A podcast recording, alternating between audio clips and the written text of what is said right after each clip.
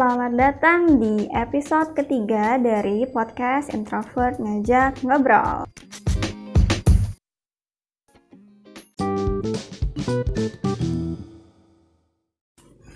Halo semuanya, ketemu lagi di Introvert Ngajak Ngobrol bersama Anissa dan Fajri Alfala. Yeay, biar rame. Ketawa mulu. Ya, jadi di Ya. episode kali ini kita akan ngobrolin tentang sejarah. Waduh, berat banget sejarah. Nggak sejarah banget sih. Sejarah cinta. Nggak gitu. Ya? Ini perihal pendidikan sejarah di sekolah. Oke, berat. Nggak berat dong. Kan Bapak yang bicara. Saya mah cuma nanya-nanya dong. Ya, jadi di di mana? Pokoknya di episode sekarang ini Anissa tugasnya hanya sebagai host. Jadi narasumbernya adalah Fajri Alfala Oh, sebagai mantan mahasiswa pendidikan sejarah. ya, oke. Udah siap? Udah banget. Ya udah yuk. 6 tahun kuliah terus masa nggak tahu tentang itu? Oh ya, coba cerita dulu eh, bagaimana ceritanya. Cerita apa? cerita cerita kenapa bisa tahu-tahu kuliah pendidikan sejarah itu kan Oh. jarang banget tuh orang apaan sih sejarah tuh iya gitu iya sih. Karena dulu itu ketika di SMA untuk masuk jurusan sejarah nggak mikirin mau kerja apa. Kalau tahu dari dulu ya nggak masuk jurusan sejarah dong. ah gitu sama dong kayak aku juga Jadi dia mikirnya dulu itu emang suka aja gitu. Kebetulan guru SMA-nya kelas 3 waktu itu jago banget ngajar sejarah. Ada Masda, Maski sama Mas Lu. Eh, masa, apaan tuh masa depan, masa kini, masa lalu gitu-gitu. Oh. Jadi kayak storytelling bapaknya keren. Jadi makanya kayak ambil sejarah deh gitu. ah gitu Pilihan terakhir sih itu. jadi kalau aku kan dulu kebetulan anak IPA nih Siapa? aku Nanya. Iya. kan ini lagi cerita Oh, ini sekarang lagi podcast ya, bukan beneran ya. Nah, terus kan anak IPA Ah. jadi dapat sejarahnya tuh eh tiga tahun deh bener Heeh. cuma porsinya lebih sedikit kalau IPA jadi waktu kelas 10 tuh gurunya itu mm, lebih banyak bercandanya daripada ngajarin sejarah Iya, jadi di kelas jarang ngajar, dia lebih sering ngobrol-ngobrol gitu aja. Nah, jadinya aku menganggap kalau sejarah itu nggak menarik, apalagi kalau di soal ujian tuh cuma apa sih eh, sidang BPUPKI dilakukan pada tanggal kayak gitu. Emang kita penting belajar ingat-ingat tanggal kayak gitu? Nah itu, menurut penting nggak belajar sejarah? Kalau belajar yang mau. sejarah penting, cuma kalau Apa, harus apa, apa, apa gunanya apa? Untuk mengenang masalah, Buat apa mengenang doang? yang untuk mempelajari bahwa nanti suatu Ah. hari itu tidak terulang lagi, gitu nggak sih? Oh, bisa, salah satunya bisa. Terus apa dong harusnya? Banyak sih. Contohnya, Misalnya nih ya, nah, kamu bawa sepeda hmm, malam-malam. ngapain sepeda malam? Nggak boleh ya sama bapak ya. Siang-siang deh, pagi-pagi Pagi deh. dong. Pagi mau Ya, ya. Masih gelap tuh, habis subuh Hmm. tuh.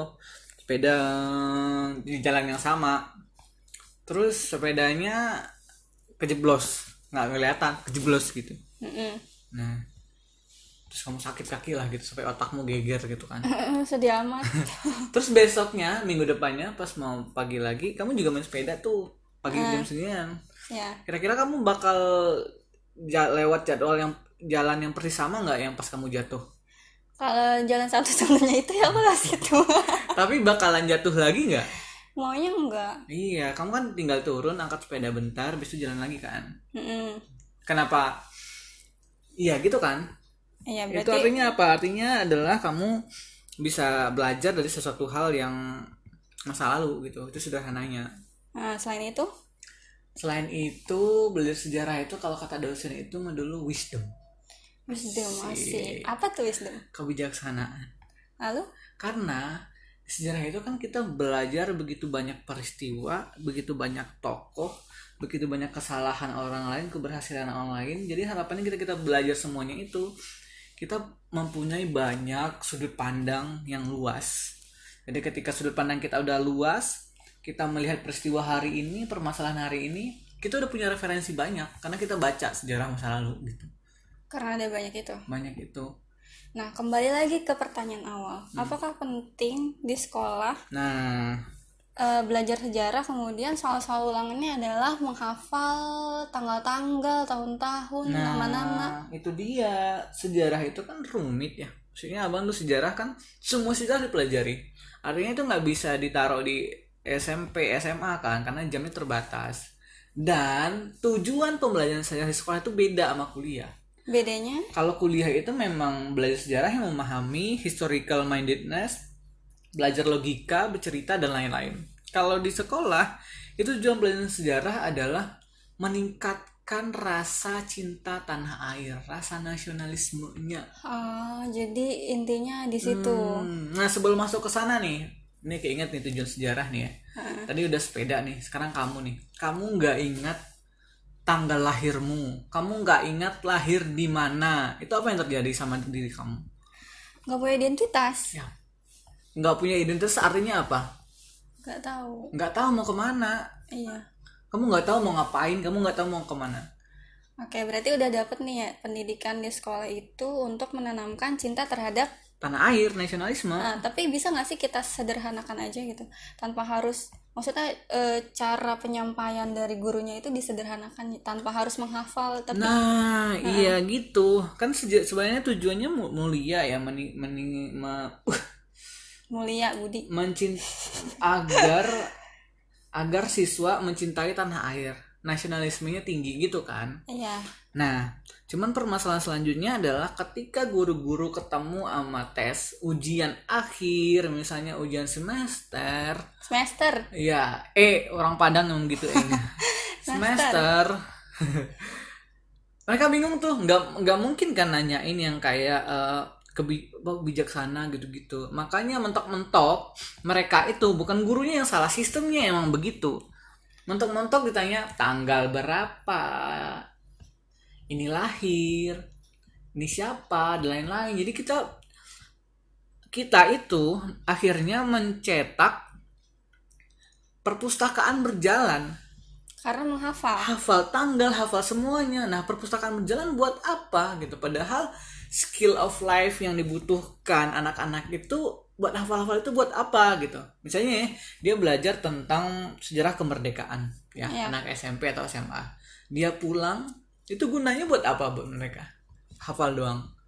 lupa habis itu Iya, harusnya ketika mereka belajar sejarah kemerdekaan, bi- mereka bisa mengambil nilai-nilai di pahlawan misalnya. Wah, dulu ternyata Hatta dia pendiam, nggak pacaran misalnya, tapi dia kutu buku, akhirnya pintar gitu. nah Dia bisa ngambil value-value, insight-insight itu untuk kehidupan mereka masing-masing gitu. Tapi kan hal-hal kayak gitu nggak ada di buku pelajaran Nah, enggak, makanya tugas guru itu dan sistem terutama jangan terpaku lagi dengan apa? eh, fakta-fakta kering itu kering ya. Fakta apakah fakta penting menghafal tanggal penting? Mm-mm. Cuman itu nggak berdiri sendiri. harus ada Iya harus ada buat apa fakta harus ada insight-nya, pelajarannya, nilai dan lain-lain. Begitu harusnya sih. Tapi untuk soal-soal ujian itu menurut abang itu akan tetap dipertahankan dengan yang mengingat-ingat tanggal kayak gitu? Harusnya sih eh, kalau sekarang kan dominasinya iya lebih dari 50% isinya itu kan. Hmm. tanggal dan lain. Nah harusnya sih apakah tanggal? Iya nggak apa-apa. Misalnya gini anak-anak kita paksa ngafal tanggal. Susah dong mereka. Iya. Kenapa susah? Karena itu nggak relate sama mereka. Misalnya gini deh. Nah. Karena orang pernah ngajar dulu di SMA terus udah pada pacaran kan tanyain. Kalian tanggal jadian tahu nggak? Gitu. Tahu pak. Kalian hafal mah? Enggak. Kenapa nggak hafal? Karena dia senang waktu itu relate sama mereka gitu. Oh gitu. Terus tanya lagi "Eh, tanggal apa yang paling berkesan bagi dia? Dia ingat gitu. Nah makanya sebelum kita masuk ke tanggal kita harus kasih dulu ke siswa bahwasanya peristiwanya penting peristiwa eh, siswa itu sadar peristiwanya penting siswanya sadar peristiwa itu ada ada pelajarannya. Makanya tan harusnya tanpa mereka harus menghafal mereka udah udah udah nyantol gitu loh di kepalanya gitu. Karena mereka datang bukan menghafal fakta-fakta kering tapi juga menyenangi pelajaran peristiwa itu gitu loh. Berarti itu PR dari gurunya ya apa ya kita nggak bisa nyalahin semuanya ke guru sih sebenarnya. Karena kenapa guru begitu? Bisa jadi karena tuntutannya juga gitu. Tuntutan itu artinya hasil ujian nilai dan lain-lain gitu. Iya karena kan kalau dengerin cerita tuh bawaannya ngantuk nah gitu iya kan. makanya metode kan harusnya. Iya. Dan metode pembelajaran model dan lain-lain. Karena gini loh SD semua orang boleh sejarah benar? SD iya emang iya? Nah, iya, kalau sempat kan dua IPS udah sejarah isinya kemerdekaan kapan dan lain-lain. iya iya betul Iya kan? betul. Hmm, dari mulai SD SMP juga belajar sejarah. Iya. SMA sebelum jurusan juga sejarah kelas 1 enggak sampai kelas 3 ada. Nah kelas 3 mau IPA mau IPA sejarah kan? Iya. Tapi di IPA di, di IPS misalnya diajarin nggak biologi? Nggak gitu. Artinya adalah sejarah itu penting ternyata buat semua orang mau jusnya IPS mau teknik sipil mau teknik nuklir itu juga belajar sejarah biasanya gitu. Tapi waktu kuliah nggak ada sejarah tuh? Nggak ada sejarah pergerakan ya harusnya sih ada. Adanya pancasila.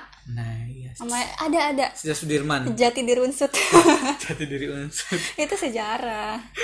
Nah aku tanya lagi nih. Hmm. kan aku eh ngulang lagi deh aku IPA jadi eh, materi IPA sama IPS itu sejarahnya beda. Itu apa yang membedakan? Oh iya kalau di IPS kalau misalkan sejarah itu penting kenapa keduanya ini dibedakan? Jadi yang IPA lebih sedikit porsinya yang IPS lebih banyak. Kenapa? Kalau sejak kalau ketika SMA ketika udah bagi jurusan itu kan udah peminatan ya. Hmm, kamu minatnya di ilmu alam kah atau di ilmu sosial kah? Nah, bagi siswa-siswa yang minatnya di ilmu sosial, maka pembelajaran sejarahnya lebih dalam. Dalam artian lebih banyak gitu materi-materinya. Ya karena sosial minatnya di sana gitu. Nah, IPA minatnya kan sebenarnya nggak di sana. Cuman pemerintah me- me- menilai itu wajib juga dipelajari sama anak IPA karena nasionalisme tadi. Jadi yang membedakannya adalah kedalamannya dan tujuannya sebenarnya. hmm, jadi istilahnya kalau IPA tuh di eh, permukaannya Permukaannya aja asal IPS tuh sampai dalam Iya, gitu lebih semua. banyak tuh materinya gitu harusnya. Oke oke oke baik bapak. Terus nih ya eh, ada yang bilang sejarah itu tergantung gimana ya sudut pandang orang itu. Yang menang ya. Ah iya maksudku yang itu gimana dah kalimatnya? Sejarah sejarah, Sejarah itu adalah adalah, pemilik pemenang atau penguasa. Nah ya itu gimana? Kayak contohnya misal eh, sekarang sekarang kan setelah kuliah kan aku baru tahu tuh yang tentang PKI yang kayak gitu-gitu. Terus? Dulu di sekolah nggak ada maksudnya ada cuma tuh semuanya ya ke sana arahnya. Iya, Jadi iya, iya, iya. ini A nih sudut pandang A. Ah, ah, ah. Setelah aku baca buku pas kuliah kok beda kayak gitu. Hmm. Iya, iya, gini gini. Eh, benar. Sejarah itu milik pemenang. Ngejelasinnya di mana ya? Dari sini deh. Dulu ketika zaman Pak Soeharto, ya, Yes. Pak Soeharto itu isinya adalah bagaimana pelajaran-pelajaran itu PKI itu jelek banget. Mm-mm. Kemudian sampai sekarang juga sih. Kemudian setiap G30 SPKI, peringatan G30S itu itu siswa diwajibkan nonton PKI. Nonton filmnya, nonton PKI sih. Nonton film pembantaian itu ya. G30S gitu kan. Itu yang terjadi tuh semuanya. Jadi eh, karena karena kan dulu Soeharto ceritanya yang menumpas PKI ya, pemenangnya gitu. Jadi jelek lah bagi dia gitu. Dan Soeharto waktu itu apa bukunya keluar? Bapak pembangunan bangsa, Bapak so, apa sosok beras dan lain-lain. Pokoknya dipuji-puji lah di zaman itu ya. Hmm. Itu karena kenapa? Karena Pak Soeharto waktu memimpin masa itu makanya keluar buku-buku itu gitu. Buku yang lain nggak keluar nggak berani keluar kan? Karena ditangkap kalau ada yang menentang gitu-gitu. Iya. Nah setelah reformasi itu sejarawan-sejarawan lain muncul. Ada yang menentang eh, Pak Soeharto, ada yang jelek-jelekin Pak Soeharto semuanya, bapak yang terkorup dan lain-lain gitu. Artinya kan ganti lagi tuh sejarahnya kan. Iya. Nah sa- sampai hari ini. Jadi jadi begitu. Jadi kayak eh, karena sejarah itu juga digunakan kadang untuk ini loh propaganda. Untuk propaganda me- melanggengkan sebuah kekuasaan juga bisa digunakannya buat itu. Misalnya gini, eh, kamu tahu di Thailand itu ada ini ada demo besar-besaran? Thailand. Hah? Ingat nggak?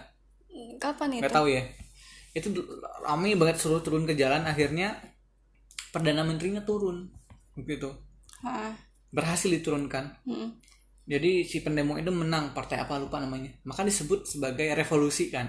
Revolusi. Mm. di Turki ada juga kan kemarin yang mau apa memberon apa bukan memberontak yang demo juga menurunkan presiden. Ingat kan tapi gagal digagalkan oleh presiden. Mm. dan dia disebut sebagai apa sekarang? Pemberontak.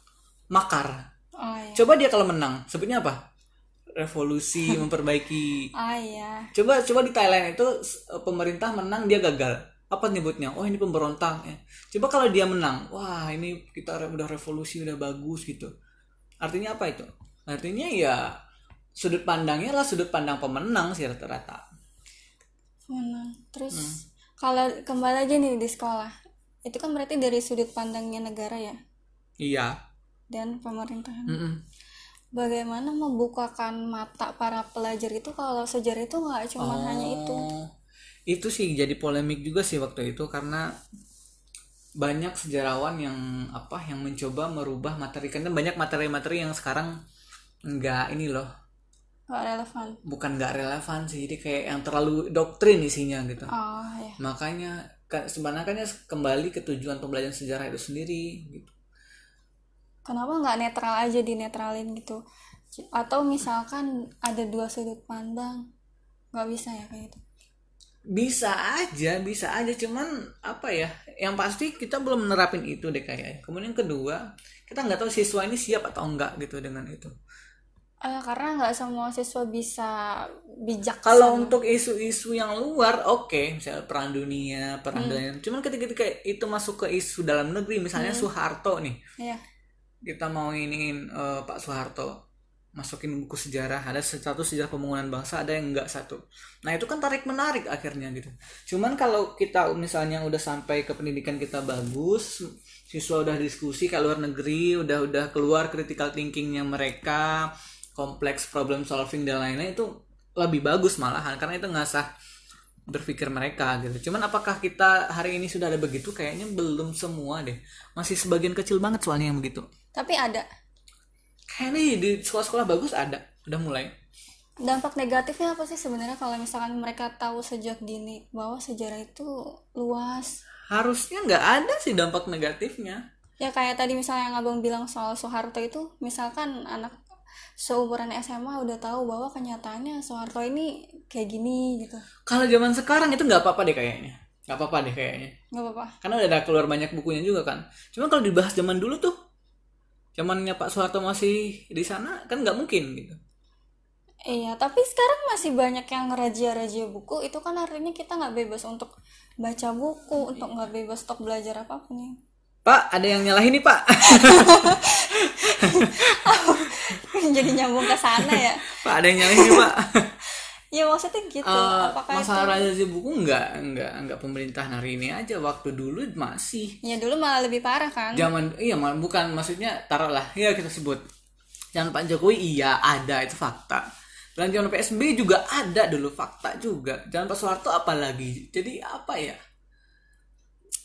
Itu sih yang harus kita edukasi sebenarnya semuanya iya artinya kita nggak bebas kan? Atau bebas tapi Em, gimana? bebas dengan syarat bebas bersyarat. Maaf ya nggak sengaja nyiramin sulfuric acid ke muka. Eh, subuh subuh subuh sulfuric acid. Subuh subuh bangun niat banget. Kalau kata lintas si bah, siapa bintang mah? Kayak aku aja yang dulu jualan bahan kimia nggak pernah bawa bawa kayak gituan. Lagi jalan pagi. Udah udah, udah kita fokus aja kayaknya jadi gimana yang? Apanya? Tadi yang Suka nih moderatornya nih ada panggil-panggil sayang lagi nih. iya jadi eh, pendidikan Mm-mm, sejarah mm-mm.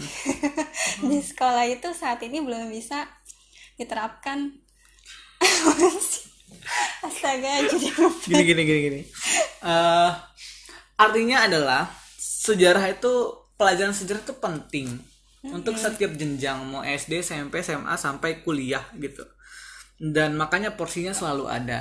Kalau pertanyaan selanjutnya adalah apakah sejarah yang diajarkan ke siswa itu adalah sejarah yang benar? Kebenaran dalam sejarah itu banyak.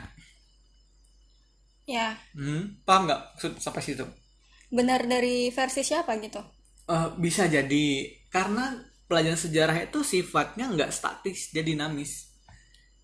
contohnya Nih analogi, nih kamu nih ya naik motor, mm, terus di jalan ada lihat motor, orang. Ya orang jatuh.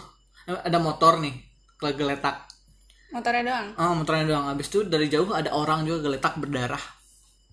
Asumsiku itu orang habis kecelakaan? Nah asumsimu itu habis kecelakaan. Kan berarti kamu tulis nih sejarah. Hmm, misalnya gitu ya. Nah, terus besoknya kamu ke sana lagi misalnya. Ternyata ada parang yang berdarah dekat pohon gak jauh dari sana gitu kan. Terus kamu cek ada juga bekas luka luka di di, di tangannya misalnya. Apakah kebenaran yang sejarah kamu bilang kecelakaan itu? Salah. Enggak juga. Belum tentu kan cuman diragukan kan jadinya. Jangan-jangan dia dibacok nih karena ada ada luka ada parang misalnya kan. Hmm, bener nggak? Ya. Oke bisa. Terus udah dikembangin tuh kasusnya, ka- kamu udah nulis tuh sejarah gini gini gini gini.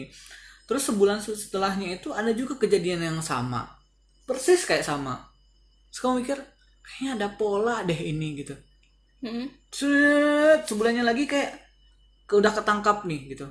Ternyata eh, dia disuruh sama seorang oh beda lagi. Jadi artinya sejarah itu sampai ditemukan bukti-bukti baru itu akan berubah terus. Berubah terus. Misalnya nih dulu PKI didominasi oleh sejarahnya Orde Baru tentang PKI itu salah. Kemudian ya di, dengan super semar dan lain sekarang udah kebuka nih fakta dikit-dikit. Ternyata eh, para jenderal itu emang dibunuh cuman nggak disiksa kayak di film-film misalnya. Disayat saya dicabut kukunya dan lain-lain gitu. Jadi kayak apakah siswa eh eh, maksudnya bukan siswa itu yang dimaksud dengan kebenaran sejarah? Selalu sifat dinamis jadi fakta itu nggak akan berhenti ya maksudnya Eh, eh, fakta itu ya gitu-gitu aja cuman kalau kita temukan fakta baru berarti ada kesimpulan baru gitu Mm-mm. tadi kan ada kebenaran Heeh. ada benar berarti ada salah nih Mm-mm. karena sejarah itu kan udah lampau Mm-mm. kita nggak bisa membuktikan salah atau benar kan Iya, maksud aku Iya, gitu. heeh. Bisa jadi ada cerita A ternyata itu bohong. Iya. Gimana kita bisa membedakan itu? Sementara itu udah terjadi udah lama banget. Iya berdasarkan bukti-bukti fakta itu. Makanya apa sih istilahnya dulu? Pokoknya lah bilang. Dia si dosen bilang sejarah itu nggak kayak biologi. Katak dibelah terus wah ini ini ini nggak bisa. Kita nggak bisa kembali ke masa lalu gitu. Makanya eh, sejarahnya itu ya sejarah yang berdasarkan bukti-bukti yang ada gitu. Ketika ditemukan bukti baru yang mendekati bisa jadi kesimpulannya beda lagi gitu. Berarti bisa berubah ya. Yang tadi dibilang itu dinamis. bisa bisa banget berubah. Soalnya nih kita tahu Gajah Mada yang Majapahit gitu tapi sewaktu-waktu nanti ketemukan ada orang yang menggali tanah ketemukan candi atau apa lagi yang kaitan dengan sana ya bisa beda lagi gitu Gajah deh. Gajah Ahmeda Tiba-tiba teringat itu. Oke, baik. nah gitu kira-kira jadi eh, pe- kayaknya eh, siswa kita hari ini belum diajarkan untuk berpikiran seperti itu karena masih sibuk dengan menghafal fakta-fakta kering itu. Makanya kalau mau merubah itu kita nggak bisa langsung nyalahin Guru. gini iya guru gini deh. Kita nggak bisa nyalahin siswa yang bosan dengan belajar sejarah karena delivery guru begitu. Iya. kita kadang juga nggak bisa nyalahin guru tentang delivery gitu. Mungkin mungkin sistemnya juga mengarahkannya ke sana ke nanti evaluasinya gimana ya harus apalagi apalagi nanti kalau ulangan atau ujian akhirnya tentang uh, ob- objektif pilihan ganda. Nah itu udah udah sebenarnya pilihan ganda itu menghambat siswa berpikir sebenarnya. Makanya Iya. di teori pendidikan yang terbaru itu sebenarnya nggak nggak dipakai lagi itu mah. Itu mempermudah guru aja biar Iya, biar menilainya gitu. Makanya oleh karena itu eh, sejarah itu sebenarnya sangat sangat berguna untuk kehidupan kita. Dan harusnya sejarah di sekolah juga harus cepat beradaptasi terhadap kebutuhan siswa hari ini siswa nggak butuh-butuh amat untuk jejeran fakta itu siswa lebih butuh kepada analisa critical thinking ngambil value dan lain-lain makanya eh, harusnya sejarah pelajaran sejarah gitu diajarin ke ke sekolah cakep. Iya. Conclusion itu udah conclusion ya udah dong dari kamu dong conclusionnya ada mas tuh ada masih ditanyain nggak Ah, satu lagi nih. Hmm. Eh, kan adik-adik SMA kan misalnya masih bingung nih mau kuliah jurusan apa. oh Terus kan abang pendidikan sejarah nih. kerjanya apa gitu ya Prospeknya apa pendidikan sejarah Oh. tuh? sejarah itu bisa jadi kerja di ini di Museum. pabrik nuklir Di lab bisa? ah gini gini gini Eh, tentu sejarah itu tidak selu kalau bicara perspektifnya tidak seluas teman-teman di fakultas ekonomi ya iya. Dan manajemen dan lain itu luas kan? dan lain-lain gitu. Sejarah itu lebih spesifik karena skill ketika kuliah skill yang diberikan oleh sejarah itu adalah skill analisa. Skill critical thinking. Jadi itu tuh. Makanya rata-rata nah kalau kita bicara data lulusan sejarah itu banyak sebagai penulis biasanya. Oh iya? Ya penulis bisa wartawan Ah, bisa penulis buku. Karena di, di- mereka tuh sebenarnya biasa mencer bercerita. Karena mereka nggak ngajar itu bercerita dan lain-lain gitu kan. Jadi guru pasti kemudian penulis wartawan gitu. Dan rata-rata dulu itu kepala sekolah itu biasanya sejarah biasanya kadang-kadang. Kenapa tuh? Nggak tahu kenapa ya. Karena dulu di Sumatera Barat kayaknya gitu deh. Hmm, Eh, artinya sejarah nggak menjanjikan karir? Bukan karir sih iya ya. Eh, ah, gimana ya? Eh nggak usah deh nggak usah aja deh untuk sejarah udahlah. Nggak usah lah cukup lah. Kok gitu? Ujungnya ini kan dalam rangka mau motivasi kok tau tau iya nggak usah aja udah. Baik nggak usah aja teman-teman katanya. Tapi kalau mau bijak sejarah aja sih. Tapi nggak juga sih banyak juga orang yang lulusan biologi juga bijak. Jadi ya gimana ya? Karena gini deh eh itu gue bolak balik lagi. Nggak kalau tujuannya ku, nih kalau tujuan kuliah itu adalah untuk mencari pekerjaan yang bagus berarti jangan sejarah. Kecuali kalau kalian memang Pengen mau jadi sejarawan gitu. Kalau mengharapkan kayak jadi apa di perusahaan gitu-gitu kayaknya nggak ada deh perusahaan yang butuhkan sejarah. Iya kalau biologi masih ada lah kimia masih ada lah eh, gitu-gitu. Tapi kalau sejarah kayaknya nggak ada. Iya jadi gitu lah tapi ya gitulah ya guys. Eh. Dodol. ayo tutup eh tadi dulu. Eh kok sebagai konklusi Hmm. eh, abang kasih tahu caranya gimana kita biar suka sama sejarah. Oh nggak harus suka kok. Eh, gimana harus suka? Eh tau nggak? Sejarah itu meskipun masa lalu tapi sampai hari ini berpengaruh loh ke hidup kita masing ini contoh yang paling sering disebutin ya kayak nama jalan itu. Oh di Jawa Barat itu nggak ada jalan Gajah Mada. Cek. Di Yogyakarta atau Jawa Timur itu nggak ada jalan Siliwangi. Itu karena sejarah tuh karena dulu perang bubat dan lain-lain. Sejarah itu memang terjadi di masa lalu cuman sampai hari ini itu ada pengaruhnya. Dan itu kalau diulik seru. Seru ya? Seru. Apalagi didongengin. Nanti kapan-kapan ceritain kita ya. Siap kita. Ini ceritain aku. Lagi nih podcast paling gak jelas ini oke. Jelas dong. Oke jadi kayak gitu ya teman-teman. Ternyata sejarah itu penting banget buat kehidupan kita sekarang. Enggak juga. Penting dong. Ya nanti mungkin kapan-kapan bisa ceritain sejarah apa Iya, iya, gitu iya. ya bang. Kita nanti kita bisa bahas salah satu sejarah spesifik kayaknya. Iya oke tapi untuk sekarang sampai sini dulu ya guys. Ada musiknya belum kan belum. Ya udah saya. Tadi konklusinya udah sama abang jadi aku tinggal tutup aja. Oke siap. Terima kasih sudah mendengarkan podcast yang tidak jelas ini. Bye. Sampai jumpa